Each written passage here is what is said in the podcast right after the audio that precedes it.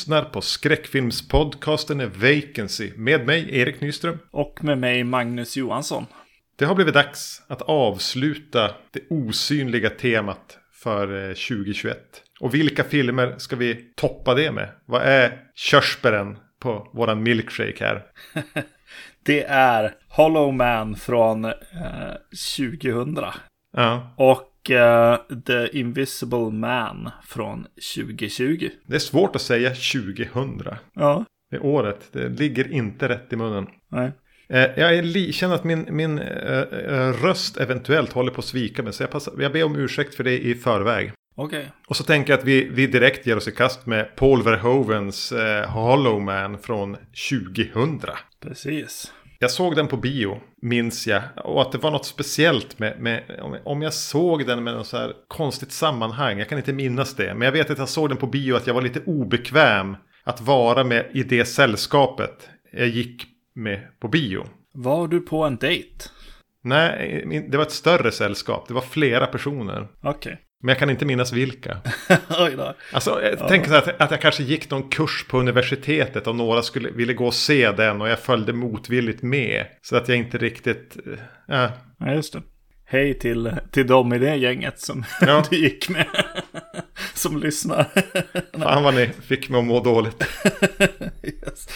Jag minns inte hur jag såg den första gången. Men det var inte nu du såg den första nej, gången? Nej, nej, det var ju när den kom liksom. Så att ja. jag, jag kan lika gärna ha gått på bio jag med. Kanske var dig jag såg den. Just det. Det är din fru. Just det. Um, och sen har jag sett den, jag har ofta gått på tv känns det som. Det var en liten sån här film jag sett då och då. Mm. Kanske sällan hela igen. Nej, Men nu var det jävligt länge sedan. Mm. Uh, den är väl uh, något allmänt erkänt som ett misslyckande. Och den som fick Paul Verhoeven att lämna Hollywood. Mm. Och inte göra film på typ 5-6 år. Just det. Handlar om ett forskningslag ledda av eh, Sebastian Kane, spelad av Kevin Bacon. Som har ett uppdrag från the government att forska på det här med osynlighet. Eh, de eh, gör vissa framsteg, tvingar, forcerar fram att, att experimentera på människor. Vilket leder till att vi får en osynlig och ondskefull Kevin Bacon som springer runt och ställer till med oreda. Mm. Elizabeth Shue spelar den kvinnliga huvudrollen. Visst måste hon ha varit lite, känns lite passé redan då? Jo, exakt. Jo. Ett udda val. Precis. Men eh, hon är ganska kul när hon dyker upp liksom. När hon kom, kom tillbaks där, eller för, i min värld i alla fall, i Piranha 3D också. Ja, just det. Så dök hon upp. Jag får, jag får lite vibben här av att hon tar inte det här på så stort allvar. Nej. Eh, vilket väl kanske var rätt inställning. Nej, precis. Tar det inte på för stort allvar, men också så här. Det känns som att hon lyssnar till Paul Verhovens vision här på något sätt. Ja. Tänker jag. Frågan är ju vad den var.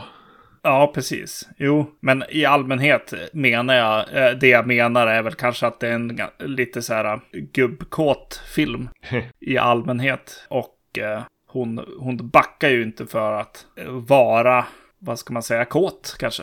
Jo, men Verhoeven hade väl på något sätt ändå gjort sig ett namn för att testa lite gränser, eh, driva en idé i filmer, antingen pusha våldet lite grann, göra politiska kommentarer, eh, testa lite gräns sexuella gränser. Det fanns alltid någonting där, en liten hook i hans filmer sedan han kom till Hollywood. Mm. Som ju ofta var väldigt, väldigt framgångsrik. Jag tänker framförallt på typ Robocop och Total Recall som är två fantastiska actionfilmer. Bland, bland, bland det bästa i amerikansk action-genren skulle jag säga. Ja, precis. Men han var väl också med i eh, och satt standard i eh, den här eh, erotiska thriller. Ja, men exakt. Världen också. Eh, ville, ville få tänja på gränser och, och lite den här Ken Russellska spjuverprovokatören. Ja. Ett, ett litet så här ironiskt snett leende hela tiden. Och eh, här, väl medveten om att han arbetar inom en industri som är väldigt rigid på många sätt. Och bara, men vad kan jag göra inom den då?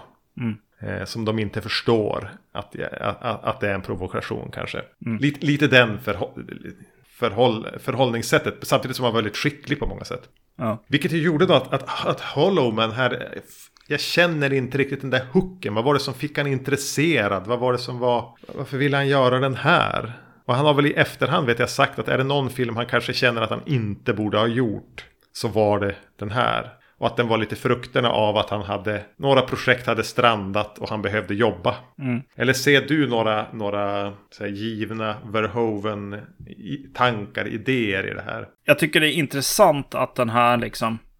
Jag vet inte hur den här kom till. Det, det vore väldigt spännande faktiskt att veta. Men det är ju ett par personer som har kommit på en story verkar det som och eh, en manusförfattare här. Och om den kommer från någon slags produktionshåll och det här var det som stod på pappret så har jag full förståelse för att man vänder sig till Paul Verhoeven. Men sen kan jag undra då, alltså om det kom från det hållet så undrar jag lite grann vart i tiden den här filmen är.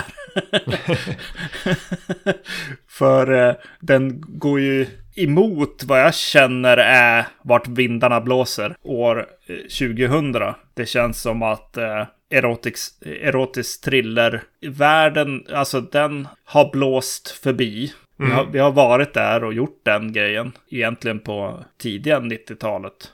Och sen så, eh, sen så har ju också typ Scream dykt upp här. Och satt en standard för nakenhet i film, i skräckfilm som, som är Hej, vi kan, vi kan nog göra det här utan att gå dit. Mm. Vi kan göra samma, samma typ av, av film utan att gå, gå hela vägen dit. Men eh, den här filmen eh, gör ju inte, inte det. Den håller ju inte i, i nakenheten borta direkt. Det här kanske där Verhoeven har varit och Mm. tyckt att det var spännande eller bara lite gubbsjukt. Ja, för mig på någonstans skulle jag väl sortera in den om man ska ställa den bredvid några andra filmer som kom någorlunda här. Typ så här House on Haunted Hill och The Haunting remakesen. Just det. Mm. Li- lite uppblåsta budgetar, några större namn. Eh, inte så mycket skräck kanske som att den är lite effekt, spektakel och bullrig. Mm. Jag noterade för övrigt vilka som har skrivit den. Mm. Och det är väldigt intetsägande namn som är Andrew W. Marlowe och eh, Gary Scott Thompson. Otroligt trista namn. Men eh, Marlowe här, han har skrivit End of Days eh, utöver den här. Och, och mer såklart. Men, men eh, Thompson har eh, Fast and the Furious-franchisen på sitt samvete. Okej. Men även Split Second. Ja. Så det verkar ju vara så här lite, lite hacks i, i någon slags eh, action, skräck, eh, idéfattiga action eller skräckgenren. Mm. Där, där budgeten gärna får segla iväg. Ja, precis. Nej men, nej, men du har ju helt eh, rätt där i, i den här uh, effekts, liksom lite högre budget eh. Absolut. Och då, då ser man väl kanske mer att man ändå fick en Paul Verhoeven-film här. Alltså den är ju, den är ju liksom provokativ i att huvud, huvudkaraktären, liksom, alltså den osynliga mannen helt enkelt, eh, går och eh, blir, blir ju tokig och argsint liksom som, som sig bör i eh, The Invisible Man-universumet. Men han blir ju också, och kanske redan är, lite så här, eh, ja, det, det går åt det sexuella hållet. Han våld, Mm. våldtar och eh, Tafsar. Tafsar, ja precis. Och, da, och där börjar jag tänka på så här, ja men det finns andra filmer som Paul Verhoeven håller på med. Alltså han, han har väl just gjort en nun- nunsploitation-aktig film liksom. Mm, jo, den går väl upp när som helst. Ja. bio. Något som inte, inte händer idag direkt. Eh, och vad heter den? L, hette den det? Den var ju också... Den som utspelas i din bransch. Ja, precis, exakt. Den var ju inte en helt vanlig film. Eller thriller liksom. Nej, nej, den var ju ja, men den var ju inte 100% lyckad. Men den, den, den, den stack ju ut. mm, provocerade med någon slags, eh, ja men en syn på överfalls, liksom, eh, offret som är definitivt annorlunda än vad man har sett tidigare helt enkelt. Mm. Och, och lite känslan att den faktiskt bara vill provocera. Mm, mm. Och då är ändå Verhoeven nu över 80. Ja, Det är ju det som är lite skoj. Att han, att han ändå... Ja men han gör sin. Han, han gör en nunsploitation. I någon slags arthouse. Skrud säkert nu då. Mm. 2021 när han har passerat 80. Ja, men all heder. ja verkligen. Jo, nej, men jag tror ju att, att tjusningen med, med Hollow Man ska ju vara att få, få följa Kevin Bacons karaktär här. Eh, och, och se han falla sönder och bli filmens skurk. Mm. Problemet är ju att han känns ju som filmens skurk i första scenen han är med i. Den börjar med att han sitter hemma och jobbar med, med så ett, ett program där man försöker sätta ihop molekyler och så ser man om de håller eller inte. han sitter och så här, crunch-jobbar Ja. och fluktar på grannen. Mm. Och redan där, alltså det är inte så att man får en så här, det känns obehagligt redan där. Ja, exakt. Och det är väl likt eh, Memoirs of an Invisible Man. På det viset. Nej, men ja, exakt. Exakt. Och, och jag börjar tänka så här. Eh, här presenteras han, crunchar hemma, försöker titta på grannen, men hon, hon sätter ju för fönstret alldeles för tidigt för han. Och han blir sur Mm. liksom. Och då tänker jag tanken att så här, är det det här som är, kommer vara eh, anledningen? så här bara, hur ska jag kunna se min granne naken längre? Jag måste bli osynlig. Äntligen fick han den här tillräckliga motivationen att faktiskt lösa den här problemet med, med molekylstrukturen eller vad det nu var. precis, precis. Eh, jo, för han är ju huvudpersonen på ett sätt och redan hela, eh, från början så är jag inte jag vet inte om jag är så sugen på att haka på han in i det här. Utan då börjar man leta efter andra karaktärer då som ska hålla med i handen. Och då har vi Elizabeth Shue som är med i forskarteamet. Som, och även har en tidigare relation med han. Men hon tar ju inte det här på allvar. Alltså hon, jag kan gilla henne i den här. Jag, säger, jag vill inte säga något ont om henne. Men hon, hon är ju bara här för att hämta en check Ja, tar det här lite på, ja men lite med glimten i ögat på något vis. Och det blir också konstigt om vi då ska följa Kevin Bacons göra en mörk resa in och bli riktigt obehaglig. Och hon tar det här med glimten i ögat och så släpar hon runt på, på Josh Brolin. Som är så otroligt ointressant här att han, så filmen glömmer ju bort honom med jämna mellanrum. ja. Även om han har glasögon på sig. Jo, precis. Det är så tydligt att det är deras gamla relation som filmen handlar om. Och, och eh, alla, alla scener mellan Kevin Bacon och Elizabeth Shue. Där ska hon leverera någon slags så här, tvivlan på så här, ja men, eller så här, min känsla är att hon har valt en, eller min känsla, det är väl inte en subtext här, tror jag. Eh, hon har valt eh, det med mer lugna alternativet. Ja, lite tråkigare, men lite tryggare. Ja, tråkigare men tryggare alternativet, ja. Ja, och eh, varje gång hon har en scen med Kevin Bacon så börjar hon liksom flukta lite efter, efter de stunder de har haft. Känns det som att Paul Verhoeven vill ha ut av henne. Ja, ja, då blir ju Josh Brolin, han måste ju vara torr och tråkig och så. Och det är han ju. en jävligt liksom. otacksam roll. Ja, jo det, det, det är synd. Och, och om jag ska vara då, alltså när vi ändå pratar om karaktärer här och, och skådisar och så, då, då Kevin Bacon då? kan Han är han ju det inte i hög form. Nej. För är det någonting jag tycker Kevin Bacon kan vara så är det ju att vara charmig och lite lurig. Mm. Alltså han kan spela både good guy och bad guy. Och här ska han väl vara... eh, eh, han är fan inte bra här. Nej, Eller? nej det, det är så jag tänker också. Och det är ju synd att jag sitter och, och tänker så. Alltså när jag tittar på just den här filmen så börjar jag ju ifrågasätta mig, mig själv. Jag blir så här, va, är Kevin Bacon en bra skådis? Eller är han verkligen bara väldigt likable? Ja. Men eh, det är nog filmen här. ja, det är nog problemet med karaktär. Så att det är svårt att få till det här. Hitta precis rätt klang i, i skådespelet. Och han kanske inte har fått rätt hjälp av, en, eh, av Verhoeven. För jag tänker om, om vi bara hade kunnat få en gnutta av den charm som jag nu, nu var det oerhört länge sedan jag såg den, men vill minnas att han har i typ Tremors. Mm. Hade vi kunnat få en gnutta av den likable charmen i början här. Ja, Så hade det hjälpt. För då hade jag kanske tyckt att det på något sätt hade känts som en tragedi när han faller ner i, i, i menar, galenskap och ondska som han gör. Men, men eh, vägen är ju utstakad redan från början. ja precis. Det som bara enablar honom på något sätt snarare än Mm. att, att eh, påverkar honom. Vilket han försöker få ut att, att det gör. Jag är fånge här och jag måste ut och lite så att psyket blir påverkat. Men ja, vi har nog fått lite för mycket av, av hans mörka sidor redan.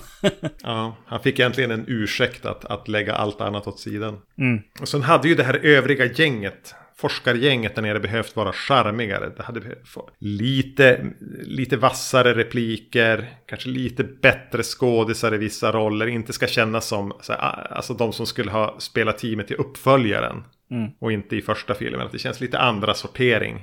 Eh, att jag inte, så det, det, det, är inte jätteroligt hela tiden att vara med dem där nere. Även om, om man försöker få till det här lite jargongen, charmen. Mm. Så är jag inte, det är inte, det är inte uselt. Men det är, inte, det är fan inte tillräckligt. Mm. De, är, de är inte de bästa liksom resenärerna på rymdskeppet eller i undervattensstationen som vi sett i podden på något sätt. ja, nej precis.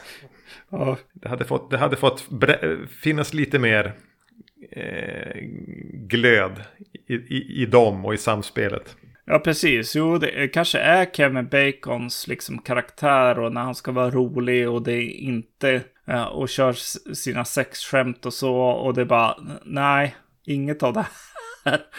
det håller inte riktigt. Och eh, hur han stänger ner folk också på något sätt eh, gör att att det blir inte charmigt på något sätt. Och de får ingen kraft som de kanske behöver. Eh, alltså hon, hon veterinären till exempel. Nej. Ja, nej, sant. Jag, jag, jag hoppar tillbaks till början av filmen. Eh, när det kommer en råtta som springer. Mm. Springer genom eh, det här forskningslabbet och, och, hamnar i en bur och blir uppäten. Ja. Jag tycker det är en stark start på specialeffektsarbetet på något sätt här. Att eh, bara, ja men det där är ju en, det är en råtta, det är ju en råtta, ja precis. Ja, jag är helt övertygad om att det här är en råtta mm. som bara springer och agerar helt enkelt. Och så helt plötsligt bara kläms den fast i något osynligt och lyfts upp i luften. Och jag, jag vet inte riktigt vart det tog slut. Och, alltså vart det började och tog slu slut på något sätt. Det är snyggt. Ja, och så sen, ja, sen, sen blir jag ju uppäten av, av något eh, osynligt. Eh, en gorilla. Mm. Och eh, blodet är så här, ja, CGI år 2000. Men just, just, just de där interaktionerna med människor, tyg, hår, eh, den här råttan. Alltså det är väl bara någon som har lyft upp råttan gissar och, så, och så sen har de liksom varit och photoshoppat det. Jag har ingen aning vad de har Nej. gjort. Nej, men jag håller med. Det, och det är en bra start. Ja. Eh, med tanke på att det är i någon mån ett slags effektspektakel. Mm. Hur ska vi kunna visa en osynlig man osynlig med, får vi flytta fram tekniken ytterligare lite grann. Mm. Men det kan man väl säga så att just att hålla någon osynlig och, och, och ja, men, han, han, springer ju runt i en gummimask som är gjuten på hans ansikte under andra halvan av filmen. Ja men det är ju, det är ju, det är ju snyggt. Mm. Men, men eh, det hade de ju uppnått redan, typ på 40-talet. Alltså just det lyckas de ju inte ta, ta längre. Det är lika snyggt som då, kanske snyggare, jag vet inte. Eh, men just det där med råttan tar ju som fram det några steg. Eh, och, är vi då inne och pratar om effekterna, om vi tar det vidare där. Mm. Så är ju det, det stora här, är ju de här stora saker som har varit osynliga, som blir synliga igen. Och någonting som är synligt som blir osynligt. Ja. Som är enorma effektspektakel. Ja. Och jag, är så, jag minns att när jag såg den på bio, när jag såg den på tv efter det, tyckte jag att det var vedervärdigt. Verkligen motbjudande fult. Ja. För det, det aspirerar liksom på att för vara re, realism. Ja. Den är så otroligt så här, fan varenda jävla muskelfiber är ju säkert korrekt. Ja. Men det ser jävligt syntetiskt ut. Mm. Men nu när jag såg det kunde jag som lägga bort den där kravet på realism. Och bara se det som att det är ganska vackert. Och titta på det här spektaklet. Just för att det känns så jävla noggrant i hur ett blodomlopp ser ut, hur nervtrådar går, vilka or alltså organ i en gorilla fick, kändes det som att jag fick lära mig lite grann om. Och, ja. och även när Kevin Bacon kommer och försvinner och, och så. Att, att, nej, jag köper det inte. Men jag tycker faktiskt om att titta på det. Jag, jag har skrivit eh, effekterna är inte trovärdiga, men fina på något, på något annat sätt. har jag skrivit. Visst är det så? Det, det är också så att, eh, särskilt första gången de gör det med den här gorillan som kommer tillbaka från, från osynlighet. Jag, jag tittar på det lite så här, hur, hur filmar de det här? Gänget står med lite förundran i ögonen och musiken spelar lite så här äventyrlig familjefilm. Eh, mm. musik vid tillfället. Eh, som hjälper den eh, sekvensen till att vara någonting som, som får en att tänka på, på annat, på Spielberg eller mm. Amazing Stories så, eller någonting. Ja, men så sense of wonder, vad är det vi ska få se för någonting nu? Titta nu. Ja, exakt. Mm. Så det, det, det, tror jag hjälper där eh, mycket. Och ja, jag, jag ja, jag hade samma upplevelse den här gången som du. Kan du minnas om du hatade det tidigare eller jo, inte? Jo, jag tyckte det såg jättedåligt ut och eh, hatet för CGI var stort vid det här tillfället också. Jag tänker att det här, det här är minnena av Hollow Man-transformationerna är ju typ det som har grundat ett CGI-hat. Det och vad heter den? Van Helsing-filmen. Just det. Mm. Fått mig att tänka att, att eh, CGI får inte vara i, i, i filmer, eh, skräckfilmer framförallt. Men de gör ju annat också för att få det till så här lite serietidningskänsla. Eller vad mm. jag ska kalla det för. Eller äventyrs, liksom familjefilmkänsla. Även, även om det, det Paul Verhoeven har gjort alla scener mellan dem också. Men, men eh, just att de lägger så här jättesjälvlysande blå vätska i det som man ska spruta i för att bli ja. osynlig och sådär. Det, det finns en någon slags naivt eh, berättande där. Mm, och den är ju väldigt, ja men dels lite comic booky. Jag, jag prövade lägga på det. Ja men är det här en, en lite trashy serietidning? Ja, tänk, ser man på den så så fungerar den kanske lite bättre. Men den är ju även väldigt polerad. Så det är en jävligt slick produktion. Mm. Så det är inte mycket, det är väl det som gör den lite tråkig också. Jag hade sett, gärna velat se eh, en trebröstad prostituerad. Eller en, alltså någon Michael Ironside utan en arm eller vad det nu är i Starship Troopers. Jag vet inte vad. Eller, eller, eller bara en, en, en köttig sexscen mellan Elizabeth Shue och Josh Brolin. Mm. Bara för att få till den här lilla edgen. Det här lite gränsöverskridande som jag tycker saknas. Det är ju typ bara den, ja okej, okay, våldtäkten, men den, den klipper vi ju bort från ganska snabbt. Det är ju nästan när han smeker bröstet på, på den här eh, veterinären som har somnat i en stol. Ja, precis. Det är kanske det mest edgy. Som inte är tanken på att vår huvudkaraktär blir den här, det här monstret. Ja, en våldtäkt också. Men, ja. Men också alltså Kevin, Kevin Bacons liksom, ja, rumpa, snopp. Det står ja. snopp flera gånger här i mina notes. ja. Whoop, snopp. när han vrider runt sig där på, på britsen och eh, även i värmesynen när de tittar på honom så är det ju där det som man, där vi har gått under året och funderat kring liksom lite grann att så här, men de är ju nakna alla de här som springer runt. Mm. Och Paul Verhoeven bara sätter värmesyn på den och verkligen visar att här kommer Kevin Bacon naken, osynlig i och för sig, men ändå. Och det hade han kunnat få ta ett steg till. Ja, just det. Mm. Men, men jag tror att den är ganska så här återhållsam då för att kunna inte bli för edgy på bio. Och som sagt var, jag vet inte riktigt vilken, jag tänker på våldtäktsscenen här, jag sa att de klipper bort från den, det är ju samtidigt tacksam för. För jag vet inte om jag hade stått ut med att se en Paul Verhoeven regisserad våldtäktsscen av en osynlig man. Du, eh, när du säger det så kan vi ha sett olika filmer. jag såg någon slags uh, Directors Cut eller någon, någon slags oh no. special edition här.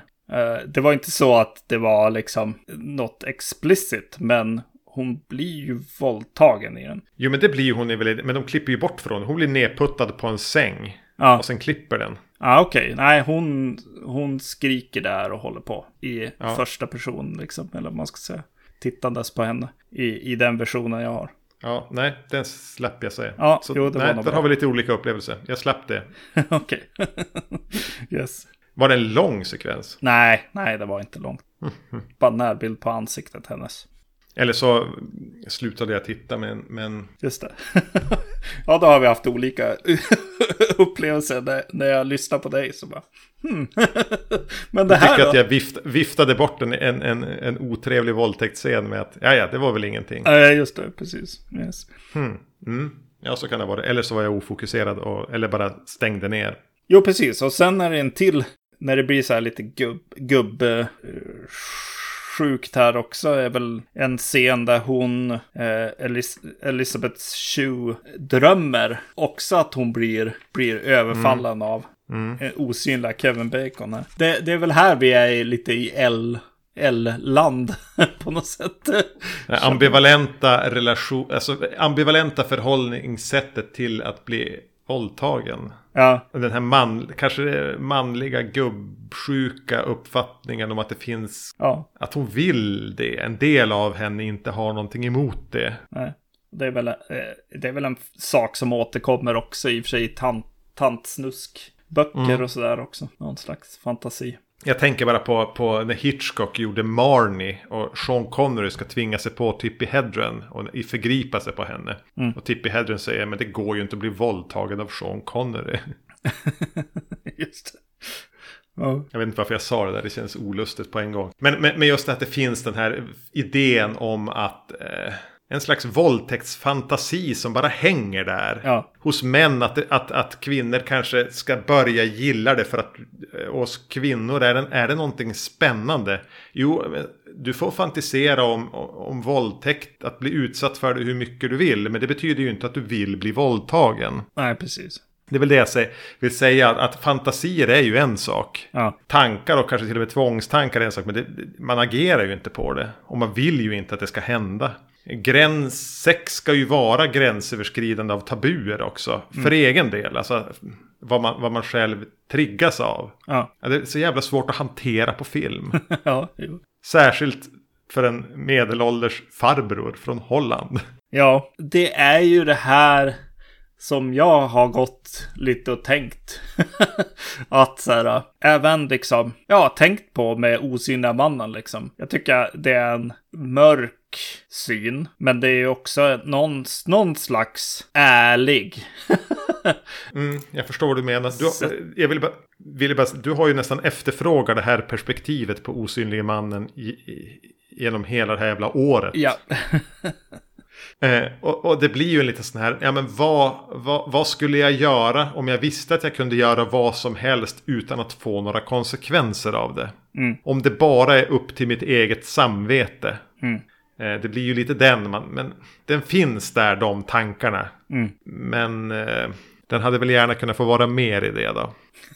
Än att det ska vara den här slick, eh, stor effektspektaklet som det ändå är. Ja, just det, precis. Också, ja. Jo, då är, vad heter den? Invisible Maniac. jag är tydlig med vad den ska. Nej, jag, jag vet inte. Jag tycker att den här har det hemska. Jag tänker på så här pojk, pojksträck, pojkarna som springer in i, i tjejernas omklädningsrum. Mm. Det är där jag är med tanken eh, mycket. Att så här, fråga, fråga en, en, jag vet inte vad, 12, 13 år pojke vad du skulle göra om du om du var, kunde vara osynlig på något sätt. Gå in i tjejernas omklädningsrum. Ja, precis. Och eh, kasta upp det till en, till en vuxen nivå och det blir ett jävligt obehaglig liksom, ja. tanke. Och det, det tycker jag kan vara värt att testa på film. Det känns som att det är outforskat ändå. Alltså jag ser den framför mig nu. Eh, alltså det här male gaze, manliga fantasier, pojkar i vuxen man. Alltså, alltså plocka ut de delarna och sätta typ i händerna på Haneke eller någon. Mm. Och det skulle kunna bli riktigt eh, obehagligt. Alltså verkligen utforskande obehagligt. Mm. Där har, du, där, har du en till, där har du någonting att jobba med. När du har, när du har gjort din Pretty Woman remake. ja. Så har du din osynliga The Invisible Boy. Det jag tänker då med, med den här filmen är ju att, att eh, Paul Verhoeven är och springer runt och gör den filmen lite vid sidan av. Istället för den skrivna filmen som ska helt enkelt sluta i någon slags alien Alien-film. ja. som, som den blir till slut. Med ett, ett gäng vetenskapsmän inlåsta i en slags uh, rymdfarkost nästan. Ja. Underjordiga liksom labb. Men, men eh, visst är hela det, även om man... Vissa så små tekniska delar av det kan vara ganska skickligt. Jag tänker hissekvensen här som effektspektakel. Den är ju inte kass. Nej. Men hela konceptet med det är ju fånigt. Ja. Och att Kevin Bacon verkar utveckla superkrafter. Mm. Han blir otroligt stark och stryktålig. Ja. Bara för att han är osynlig. Jo, han blir inte, han blir inte direkt smart. Alltså han, han låser in dem och slår av liksom deras förutsättningar att komma därifrån. Men mm. han låter liksom stun guns eller vad man kallar det för eh, hänga kvar på väggen och så här glasögon för, för att se värmesyn liksom. Det blir, det blir konstig mix där tycker jag. I hur, hur ond han har blivit. Jag skulle definitivt vilja ha sett dem försöka hitta saker och det inte var där. Mm. Han blir en mix mellan geni och idiot och galning. Ja, precis. Och så sen att de hittar de får ju slut där, de bara alien. Vad ska vi ha mer? Rörelsedetektorer och kanske någon eldkastare eller någonting liksom. det blir väldigt, väldigt gjort uh, det här. Mm. Men det finns ju effektsaker som händer liksom. Uh, gas uh, som han dyker upp i och sådär. Och han går i blod vid något tillfälle och jag bara, men nu då? Va? Vänta, hur? mm. Och sådär. Jag, jag, tycker att mycket, mycket där är, är bra och eh, jag tror att den här filmen har nu med sin konstiga mix av eh, action, skräck, eh, ganska med borstat stål, liksom ganska, vad ska man säga, eh, tillrättalagd liksom film med Paul Verhovens. Nej, jag vill göra typ en film som studerar om alla egentligen vill bli våldtagna. Nej men typ. Mm. Alltså bara, va? Vad är det här för krock? Uh, och den krocken är, är lite så här bara, aha, jag kan ju inte bara slänga bort filmen. Nej, alltså den, den har ju poänger. Den är väl på det stora hela ett, ett, något av ett misslyckande. Men, ja. men eh, av de gånger jag sett den så var nog det här då jag ändå kunde hitta saker att uppskatta i den och inte störde mig lika mycket på, på, på saker som är dåliga. Mm. Ja, men CGI-effekterna där vid transformationen var ju en stor jävla distraktion för, för 20 år sedan då. Ja. Medan nu kunde jag ändå se skönheten i det helt plötsligt. Jag vet inte vad som har hänt. Nej. Och i och med att jag har efterfrågat ondskan i, i filmerna på något sätt. Den mm. väldigt mm. mörka sidan av, av människan så fick jag lite av det här. Eh, och lite av det gör mycket mot för en eh, spionfilm om en osynlig man eller vad det kan vara liksom. det, det, det, det är närmare. Mm. Ja, och då kommer vi till en till film som eh, har varit där och snuddat i, i ondskan hos män. eh, skriven och regisserad av Lee Wanell.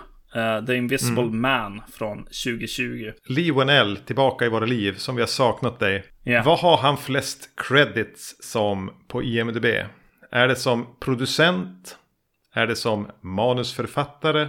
Är det som regissör? Eller är det som skådespelare? Uh, jag ser ju honom som en manusförfattare. För att det där, där det började på något sätt med, med så franchisen. Och eh, ja, jag kan inte, in, jag kan inte svara. Men eftersom jag frågar så finns det en knorr. Det är ju då skådis som han var före han började skriva så franchisen. Så jag tror han startade där. Mm. Eh, regissör är det definitivt inte, för det här är blott hans tredje film. Han har regisserat, jag tror det är Insidious 3. Mm. Han gjorde den här Upgrade. Mm. Som du älskade. Nej, det vet jag väl inte. Om. Inte jag i alla fall. Nej. Eh, och så den här. Sen har, har han ju då skri- varit mycket inne och skrivit eh, MSO-filmer och eh, Dead Silence eller vad den hette. Och är ju med i flera Insidious-filmer som skådis. Mm. I mitt huvud är han James Wans sidekick. Ja. Han verkar ju satsa väldigt hårt på manusregi-gigget nu. Så vi, vi lär ju se honom göra någon, någon superhjältefilm eller någonting sen. Jo, han kommer, blir det, blir det, jo men han kommer göra någonting i DC Ja, va? det kanske det är. Det här är ja. en DC-kille. Ja. James mm. Wan har väl varit där. Så. Aquaman är väl DC? Ja, precis. Ja. Ja. Jag blandade ihop Aquaman och Black Panther av någon anledning. Eh. okay. Nåväl, eh, The Invisible Man från 2020 eh, gör en slags eh, mix av The Invisible Man från, vadå, 30, när, när nu den första är ifrån, och Sova med fienden.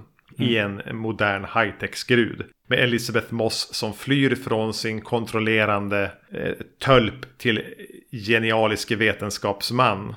Mm. Tror sig ha hittat ett nytt liv hos eh, vänner.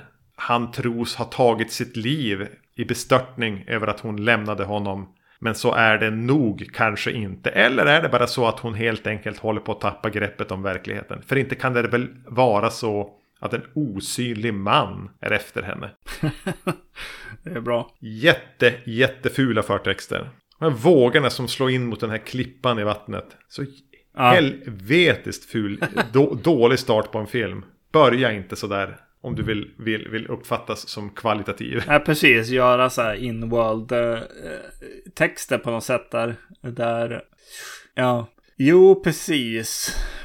Men det finns kanske inte så mycket mer att säga om det. Annat än att det var distraherande fult. Jo, precis. Jag, jag försökte komma fram till var, vart det skulle. Och, och det, det, är väl för att du är inne på någon slags här, äh, sova med fienden. Äh, mm. Uh, någonting lite 90-talsdoftande uh, över den kanske. Ja, men vill, uh, den, vill den leda tankarna dit redan, redan under förtexterna? Nu, nu har inte jag sett Sova med fienden på säkert 30 år, 25 mm. år i alla fall. Men där, där, där, är det ju en stor poäng med att, med att de bor på stranden i samma läge som de här gör. Vill de direkt ja, etablera, precis. tänk sova med fienden. Och sen hamnar jo. vi i det här lyxiga huset och hon som liksom ska ta sig därifrån. Precis. Jo, den åker lite snålskjuts på saker som man mm. känner till. Eh, om man är eh, lika gammal som oss i alla fall. Men eh, jo, alltså det är en ganska... Jag, jag vet inte vad jag ska säga. Jag tycker om, jag tycker om setupen på något sätt och att hon har att den här lite thriller-känslan mm. att hon ska försöka smyga sig därifrån. Hon har drogat sin man, men liksom hur mycket då egentligen? Och så eh, och ska, ja. ska fly. Det finns någon slags mysspänning där som inte mycket, men, men nog. Ja, men jag håller med. Alltså, den är, det, det, är tillräckligt skickligt. Sen blir det för mig lite en distraktion också att men vad är det som är så jävla viktigt med att det här huset ska vara mer som ett, som ett konstverk? Eh, mm. Än som ett hus som någon lever i. Eh, ja, men de kan, vill de säga någonting med att han var rik och så ett värsta tech-killen så känns det så här fumligt sätt att säga det på det så här uppenbart, övertydligt sätt. Att det är ett jättesterilt strandhus bestående av typ av betong och fönster mot havet. Att han är kall. Ja, mm. Ja men nu, nu, är det den tonen filmen väljer att anlägga så jag får väl bara acceptera det. Men mm. det puttar mig också, inte lika mycket som det jättefula introt, men, men, men det blir en distans. Men, men jag håller med om att det finns en tillräcklig hantverksskicklighet i spänningen som den bygger upp när hon ska smyga ut. Mm. Och jag tycker ändå att den sätter upp någonting där tidigt som, ja vi kommer säkert återkomma till också, men sättet kameran arbetade för att så här, kanske eventuellt antyda att det finns någonting osynligt i närheten. Ja. Men även att den kameran i sig drar väldigt mycket uppmärksamhet till sig själv till alla rörelser den gör. Mm. Eh, för det, det, det, kommer en sekvens när hon ska smyga ut. När den, den följer inte hennes blickriktning. Utan kameran bara släpper henne. Där hon, jag vet inte vad hon gör. Packa en väska eller någonting. Ja. Och vrider tillbaka och, och, och, tittar ner mot en korridor som leder kanske tillbaka mot sovrummet. Ja. Och så är det bara mörkt. Och sen tittar den där. Om man, om man börjar kika. Va? Ska jag se något i murret? Eller vad? Vad händer? Mm. Och så när kameran har tittat på den här tomma korridoren och, och åtminstone vad de här trötta ögonen mm. kunde se, ingenting händer. Så åker ja. den tillbaka till henne. Jag kan som köpa, ville den skapa en spänning hos mig, nu kommer jag att se någon komma ut ur mörkret i slutet av korridoren eller, eller men för mig blev det bara liksom, den, den, den gjorde att jag släppte lite grann den här kvinnan som verkar vilja fly från en skitstövel till kar som har henne i sitt ja. grepp till att titta på en kamera som vill, som vill eh, skapa spänning med tricks. Mm. Oväntade åkningar. Överdrivet genomarbetad bildmanus ja. kanske.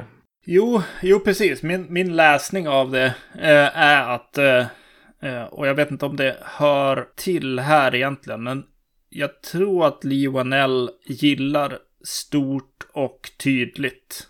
Eh, någon slags led, ledord. Att så här, e-, eventsen och saker som händer och saker jag ska lägga märke till är så här. Här, titta, kom ihåg, se och så. Han, är, han är väldigt tydlig i sitt berättande. Jag Mm. tycker att det, det, just den tanken kommer sen när, han, eh, när hon har flytt och bor hos eh, syrrans man, exman. Ja, ja, precis. Och, Eller, för jag hade jättesvårt med? den där mannen. Och, för, för jag tänkte bara, ja, men hon hon har flyttat in hos ett par. Ja, Men det är ju inget par. Det är ju en pappa och Nej, dotter. nej, det- Och det tog alle, alldeles för lång tid för mig att förstå det. Precis. Eller är det otydligt? nej, nej, det är ganska otydligt. Samtidigt är det ju inte jätteviktigt. Och jag förstod inte heller, bara, men sluta sova med den här jävla dottern då. Varför gör du det? det. Du är ju ändå så här 35, mellan 35 och 40. Ja. Du ska ju inte sova med den här dottern som de sen poängterar är under 21. Ja, precis. Vad har du för baktankar, Elisabeth Moss? Ja, precis. Eh, för jag trodde ju det var ett par hon bodde hos. Det tog en bit. Men jo, precis. Men det, det jag menade med eh, stort och, stort och tydligt där, det är ju när hon då ska gå ut för första gången och försöka...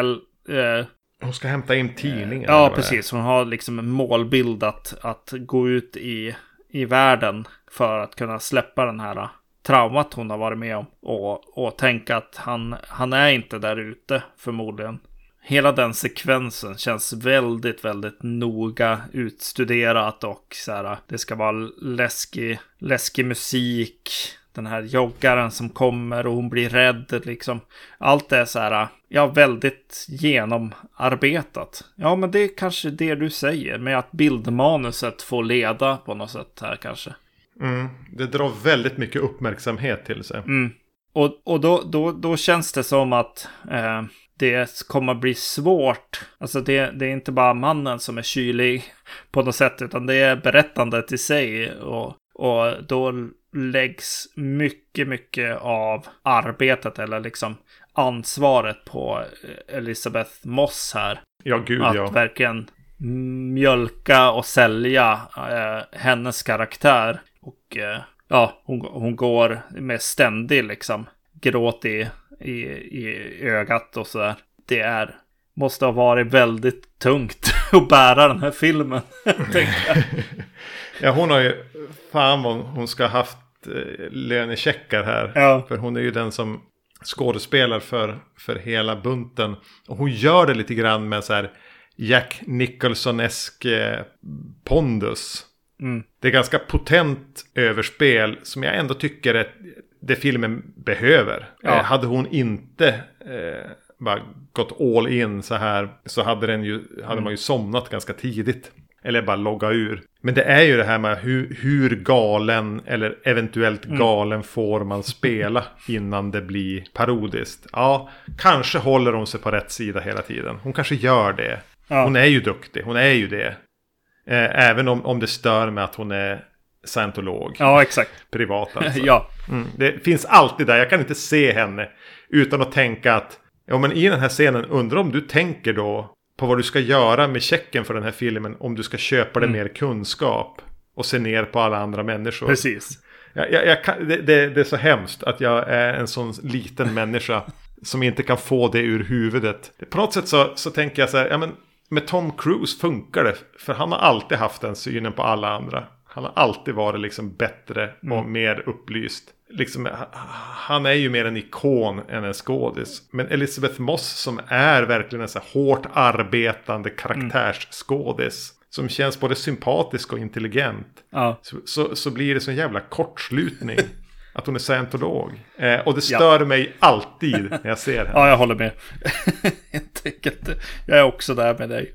Ja, men, men, men, men, håller du med om, om hennes, eh, mig i, o, o, o, om hur mycket hon bär den här kyliga, sterila historien? Ja, verkligen.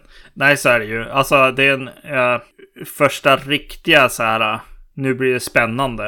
Eh, det är ju en, en scen när hon är på sitt rum eh, och eh, börjar känna att det är någon i rummet. Och eh, det, det, var, det var först då som jag bara så här, det är bra att ha en bra skådis i en sån här scen.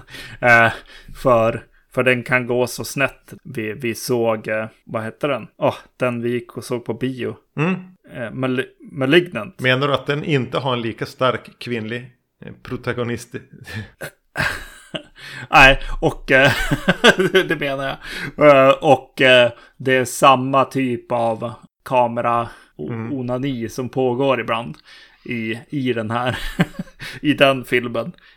och i den här så är det väl egentligen en snä, snäppet sämre eller tidigare regissör kanske som, som jobbar här mm. än James Wan. Men här har han ju lyxen då att, att hon hon hjälper till så väldigt mycket i den här scenen för att faktiskt sälja eh, det spännande som händer med kamera och musik och så vidare. Och även sälja ambivalensen att kanske är hon bara galen. Mm, mm. Jag var där med filmen, men kanske ska det visa sig ändå att hon bara har förlorat förståndet. Mm.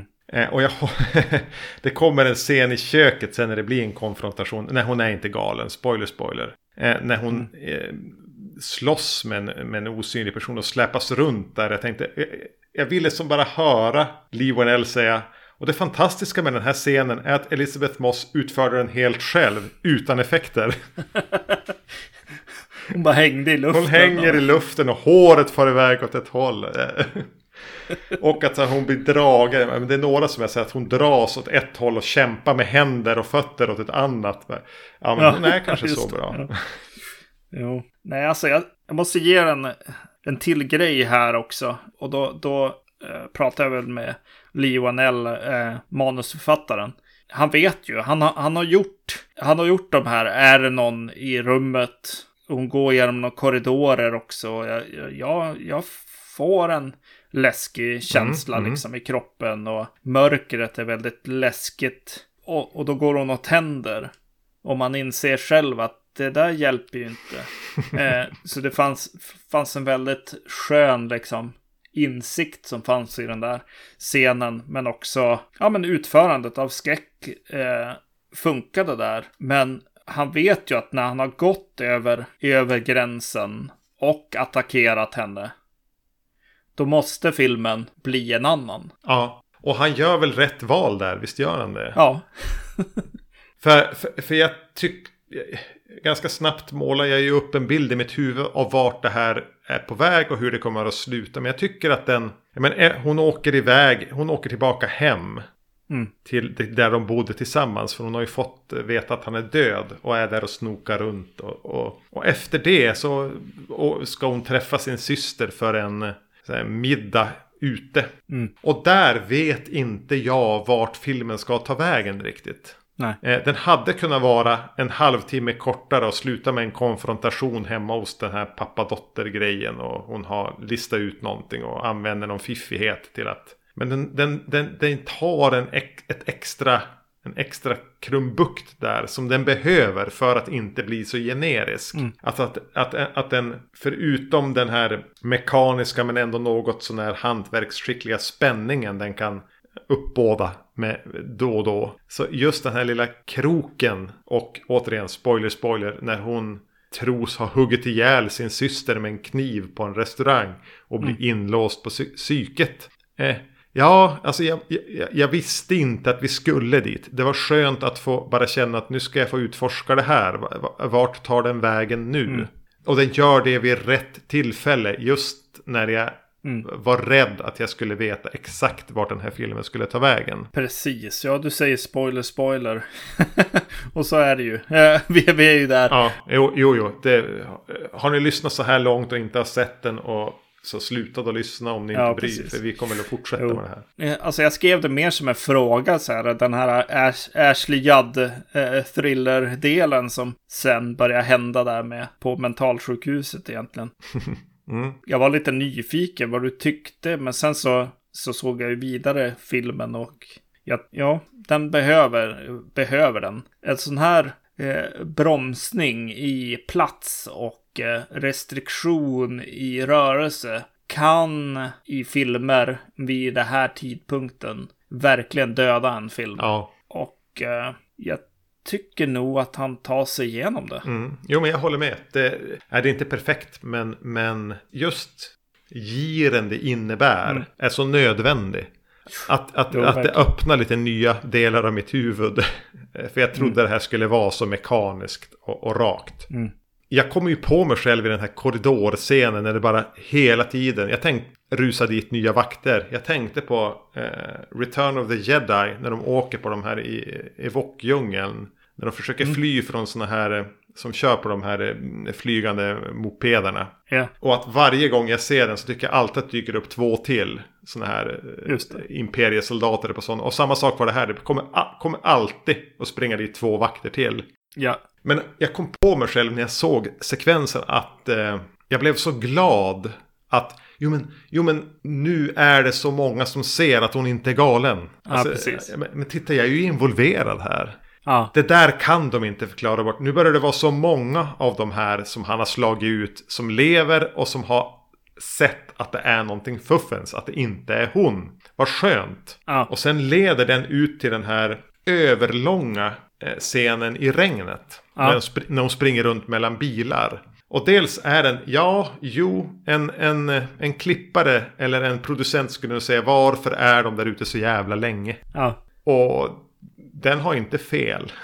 Men det är någonting med att det verkligen får bli ett event. De är Ja. så jävla länge där och någon lyser mellan några bilar och hon duckar bakom någon och hon gömmer sig under en huv. Och den får pågå, att, att den faktiskt bygger upp en slags känsla. Det blir en stämning där ute i, i mörkret och regnet.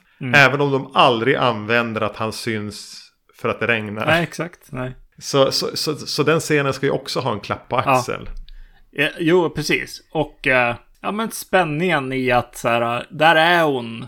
Är det någon, några som skriker Ja. och drar sina vapen och hon är ju liksom, hon flyr ju från ett psy, psykhem eller vart hon nu är. Jo. Och eh, det finns en spänning i, nej, eh, nu får de inte skjuta henne liksom. För visst har ni sett vad som hände i korridoren? Ni såg ju att det var något fuffens. Ja, precis. Jo, jag vet ju det. Men de har inte sett det. Ja, det finns en spänning i det också. Lite märkligt att, att, att han bara rusar. Alltså hon är på en låst avdelning på typ så här rättspsyk typ. Men han bara öppnar en dörr inifrån och går ut och hon springer ut efter. Det är inte så här Nej. låst. Det fanns, en, det fanns så här en, en så här trädgårdsmästardörr Ja. som var olåst. Ja. Om man nu ska... Och eh, när sånt? den scenen avslutas, såg man inte sådockans ansikte uppklistrad på en vägg då? Jag vet inte. Gjorde man det? Jag tyckte jag ser med det. jag bara, va? Eh, vi, vi har inte pratat om Spiral. Nej, det har vi inte gjort. Just det. Nej, vi kommer ihåg det. Vi komma ihåg. Ehm, mm. Ja, men den har ju så många saker som den här filmen är på samma gång. Jag tycker det är Mm. mysigt. Och att så här, ja, jag, jag någon gång i mitten av filmen med tanke på mitt vanliga trick egentligen med, med någon slags thriller kommer fram till så här en timme in så bara Åh, jag vet, jag vet vad som händer. det, det var, det gjorde inget att det var så. Mm. För mig i alla fall. Men eh, jag vet inte hur du kände. Eh, Kände, kände du att så här, ja men det, det finns en person här som ska in här någonstans? Jag försöker att inte spoila samtidigt. Jag, jag skiter i Eh, det. Eftersom vi redan har spoilat allting så tänker jag att nu måste du berätta för jag förstår Ja. inte. Den här eh, mannen som har tagit livet av sig för att hon har flytt sitt hem har en bror som tar hand om hennes eh, Ja, hans affärer efter döden och han, Ja. han uttrycker sig ganska mycket om eh, att vad fan ska du ha pengarna för? Eh, en liten känsla av det helt enkelt. Han, han dyker upp i så mycket screen time som det brukar vara Mm, mm. med en, en som är mördaren. Eller så. Så, så jag bara, han, han är det. Han handlar om. Jo, men jag, jag hann tänka ett tag att ja, men det är han hela tiden och han är faktiskt död, hennes man. Ja, precis. Jo, jo, det var väl kanske där jag var på något sätt. Så de, de lyckades ju twista till det igen och så sen en liten så här äh, ambiguous liksom slut på det, vilket är skönt. På ett sätt som, ja, ja, men även om jag kan tycka att det där twisting and turning. eh, det blir, jag vet inte om jag bryr mig så mycket i slutändan. Några, några varv för mycket där i Ja. slutet. Men jag tyckte att han var bra. Efter Moss är, är ju han den skådisen som jag tycker som tillför någonting. Ja, brorsan här. Mm, mm. Ja, jag gillade han på något vis. Jo, han var väldigt arketyp Mm. dock. Ty kunde Mm. jag tycka. det, Men, var någonting, det fanns något brittiskt Ja. över den som jag tyckte om. eh, eh, den osynliga mannen får en slags catchphrase här. Som Mm. han använder i sms och säger vid ett tillfälle och så. Surprise. Surprise. Jätteuselt genomfört. Och att det som på något vis ska bli en giveaway i slutet också. Ja. Där hade du behövt ta det ett varv med, med James Wan eller någon av dina kompisar, Lionel. För det där, den här superintelligenta, kontrollerande mannen skulle inte hålla på att skriva surprise och säga det och sen använda det i slutet. Det är så otroligt. Enda syftet det har är ju för den där giveawayen i slutet. Och det ekar så tydligt Nej. genom hela filmen. Nej, att men det, det är här, ju är, det här är inte bra. Eller är, är, är, är, jag så detaljfånig? Nej, alltså jag tycker att Lee Wanell, jag vet inte om det är... Han gillar ju både... Grejen är att han gillar ju stilrent och, och betong och sådär. Mm. Och det finns någonting i, i hantverket, i, i skrivandet som är, vad ska man säga, liksom instuderat och utstuderat och eh, korrekt eller vad man ska säga. Eh, det finns mycket som, som sås, ska sås och skördas och det finns mycket från, vad heter boken, Story eller vad den heter. Det är inte så mycket Verhoeven här. Men, nej, precis. Utan det är, det är Hollywood på något sätt här. Han har, han har koll på sina grejer. Han, han ger, låter inte en karaktär ge bort en stege till en kompis utan att sen klättra i stegen. Liksom. Det, det finns inte här. Och eh, då är det ju kanske lite lättare också att, att ta de här grejerna och förutspå lite grann. Eh, även om man använder lite, lite grepp ändå. Ja, men som med den här syrran. Vart ska det här ta Ja. vägen nu? Mm. Men när det händer så är det också, jo men så ska det ju gå till nu. Det är hit vi ska på något sätt. Man förstår. Draw by numbers. Ja, precis. Men eh, jag tycker inte att det är en dålig film för det. Nej, men inte jag heller. Även, alltså, jag, jag, jag tänker att jag har låtit åt båda hållen här när jag pratar. Men jag tyckte den var bitvis riktigt spännande. Ja, Eh, jag är genomgående såld på, på Moss prestation. Eh, och att den, den tar några så oväntade vändningar. Jag vet inte hela tiden vart den ska. Att den bara, bara ger mig det. Eh, så, så absolut. Att, att, att det här tycker jag man ska Ja. se. Eh, men kom ihåg att det är Lee Waddell som Ja. har gjort den. Och han har ingen själ. Han, han, han och vad heter han? Dennis Villeneuve. ja just det. Mm. Eh, förlorade sin själ till djävulen i samma vad eller samma överenskommelse som gav dem en Hollywood-karriär. Ja. Lee Wanell är fan bättre än Dennis Villeneuve. är han inte det? Har du sett Dune? alltså. Jo, jag såg Dune. Jag har inte sett den. Jag har skaffat det här HBO Max nu. Så jag tänkte att jag skulle se den inom kort. Och, och tänka, är den bättre eller sämre än Lynch? Är den bättre eller sämre än David Lynch, Dune? Ja, alltså, den är ju som... Jag höll på att säga, den är som vanligt en hyllning till Ridley Scott. En ung Ridley Scott. Det, det är det vi, det vi får och eh, vissa saker är schysst med, med det också. Alltså att eh, Eh, dimma är tillbaks i film. Det är nice. liksom att, att eh, det, mycket bilder är bra och jag tycker också att han har eh, i Dune så hade han lite koll ändå på en del av koncepten i Dune. Pauls eh, liksom sätt att se in i framtiden eller vad, ja, vad, vad det nu är han gör. Premonitions. Jag, jag, jag tycker att de, de funkar helt okej i den här filmen. Är den bättre eller sämre än Blade Runner 20, vad det nu var? 62? Åh herregud, det vet, var en svår fråga. Jag tyckte inte om Arrival. Det vet jag. Det är ditt svar på det. Det är ett svar på det. Nej, den är... För jag, jag, jag led svåra plågor genom Blade Runner 49. Alltså jag var på vä- Mm. jag, jag försökte somna på bio då. Jag tyckte det var så jävla tråkig. Ja. Det, nej, det kommer kanske inte vara världens bästa bioupplevelse för dig. Nej men då, då är det ju bättre att jag ser den hemma så tar jag en paus och så går jag en stärkande promenad Mm. i skogen. Dränker mig själv i dödmanstjärn. det, det låter bättre. Ja, eh, jag vet inte riktigt hur vi kom hit. Men, men, men skitsamma, vi, vi, The Invisible Man kan man ändå se på Netflix till exempel. Jag tycker över, överlag, alltså Invisible Man-temat har varit eh, up, ups and downs och Mm. många downs för mig. Det är li, lite för trista filmer ofta. Eh, så det här avsnittet står ut båda. Båda starkaste filmerna. avsnittet kanske. Ja, Men om du skulle plocka ut en Invisible Man-film som man ska se. Är det den här Invisible Man eller är det originalet? ja precis. Kanske. Det är de två. Där är vi. Mm, Ja, det är den frågan. något sånt. Yes. Ja, men det jag tänkte att man skulle fråga våra lyssnare då. När vi, när vi ändå har er uppmärksamhet fortfarande kanske. Har vi missat någon film om en osynlig man? Eller kvinna, eller pojke, eller hund? Inte fan vet jag. Men har ni någon sån här osynlig film som ni tycker att vi borde ha pratat om? Så eh, hör av er och, och, och meddela oss det då på Kanske mail på podcast.vacancy.se på Facebook. Eller mm, finns det något annat sätt man kan komma i kontakt med oss? Nej, det är väl de, de primära. Primära kontaktpunkterna. Har du någon aning om vad vi ska prata om i nästa avsnitt? Nej, det har jag inte. Nej. Inte ni heller kära lyssnare. Och inte jag heller. Så vi lämnar er i den ovissheten och säger eh, adjö. Adjö.